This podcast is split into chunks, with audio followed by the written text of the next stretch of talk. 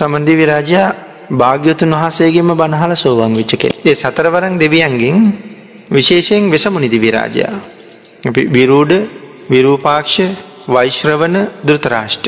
එතට මේ වෛශ්‍රවන දිවිරාජයා යටතේ මේ දිවිරාජයාගේ ඉන්නවා සෙම්පතියෝ විසි අට දෙනෙක්. එතකොට සෙම්පතියෝ විසි අට දෙනත් ඉතාම ප්‍රබල මට්ට මේ අය. වෛශ්‍රවන දිවියරාජයා යටතේ පාලනය වෙන පිරිස කෝටි ලක්ෂයක් නං ප්‍රධානයට අමතරව මේ පිරිසේ ඊළඟ පාලකව බවට පත්වෙන මේ සෙම්පතිය ටිකන. එතකොට කෝටි ලක්ෂයක් වෙච්චහම කෝටි ලක්ෂය විසියටෙන් බෙදල බැලුව මේ විසියට දෙනාගෙන් එක් කෙනෙකුට කොයි තරම් පිරිසක් නතු වෙනවද? කොයි තරම් පිරිසක් විශේෂයෙන් හසුරුවනෝද කියන කාරණාව කෝටි ලක්ෂයකින්. එතකොට මේ විසියට දෙනාගේ බලයවත් අපිට මෙච්චරයි කියල සීම කරන්න බෑ.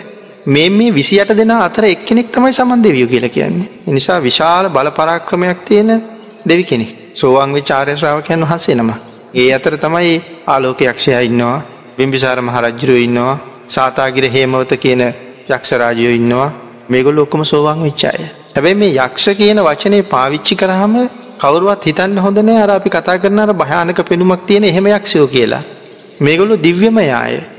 දිලිෂණ ශරීර තියෙන නිරන්තරයෙන් ශරීරයෙන් රැස් විහිදෙන දෙවිවරු වගේ මේ.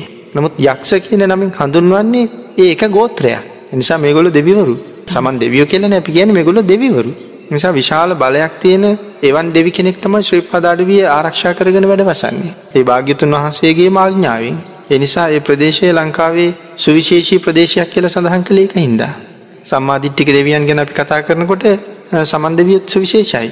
එහින්ද අපිට උන්වහසේ ඉතා විශේෂ දෙවි කෙනෙක් නිසා උන්වහසට පින් අනුමෝදන් කරන එකත් හරි වටිනවා. උන්වහන්සේ සම්මාධිට්ටික දෙවි කෙනෙක් එකැන භාග්‍යතුන් වහන්සේ සරණ ගියපු කෙනෙක්. එතකොට සරණ ගිහිල්ලා සෝවාන් කියන ආර්ය මාර්ග පලයට ආපු කෙනෙක්. එකැන ඉතාම පුුණ්‍යවන්ත කෙනෙක්. සසරින් මිදෙන්ට තව ආත්ම හතක ජීවිතයක් විතරයි උන්වහසට තියෙන්නේ. එනිසා ඒවාගේ උත්තමයකුට දැන් අපි මහා සංගරත්නයට දම්පැම් පූජා කරන්නේ මහට සෝවාන්නාදී මාර්ගඵලයකට ඇවිල්ල නෑ. නමුත් බුදුරජාණන් වහන්සේ දේශනා කළා තෙරුවන් සරණ ගිහිල්ලා. පන්සිල් ආරක්ෂා කරන කෙනෙකුට ආහාරවේලක් ලබල දුන්නොත් අනාගත ජීවිත අසංකේයකට ආහාර හම්බ කලා බවට පත්වෙනවා කියලා. එතකොට මේ ශාසනය දැනට ඉන්න මහා සංඝයා අපි මාර්ග පල ලබල නැති මහා සංඝයා පිළිබඳව කතා කළොත්.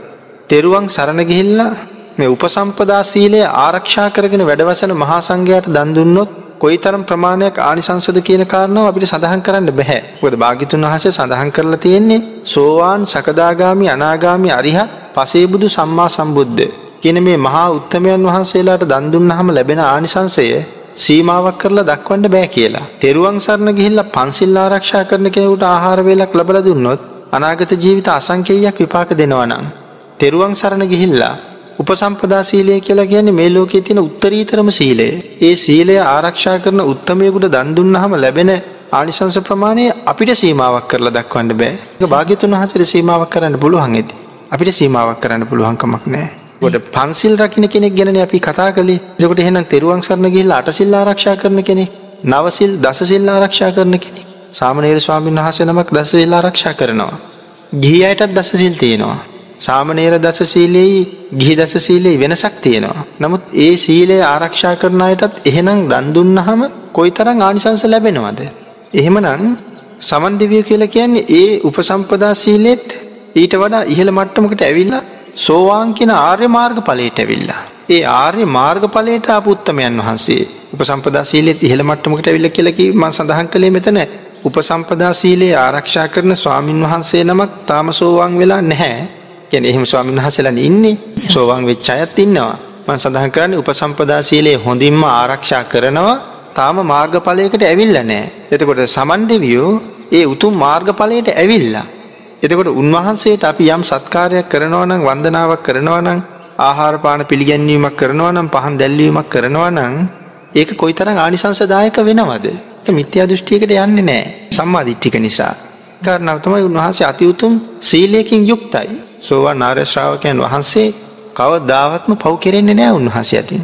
කිසිම පාපයක් කිසිම දවසක කෙරෙන්නේ නෑ. මුළු ජීවිතයෙන්ම සීල සම්පන්නයි. සතරපායක යන්නෙම නෑ නිවන් දක්නා ජාති දක්වා. ඒ තරම් උත්තමයෙක් උදෙසා පූජා පවත්වනවා කියන එක තා විශාලානිසංසදායක සිදුවීම එනිසායක හරි වටිනවා. භාග්‍යතුන් වහන්සේට පුද පූජාවන් පවත්වලා ඒ සම්මාධිට්ටිකයන්ට පින් අනුමෝදන් කරනවා කියන එකෙත් වරදක් නෑ පහනක් දැල්ලුව කියන කාරණාවත් වරදක් නැහැ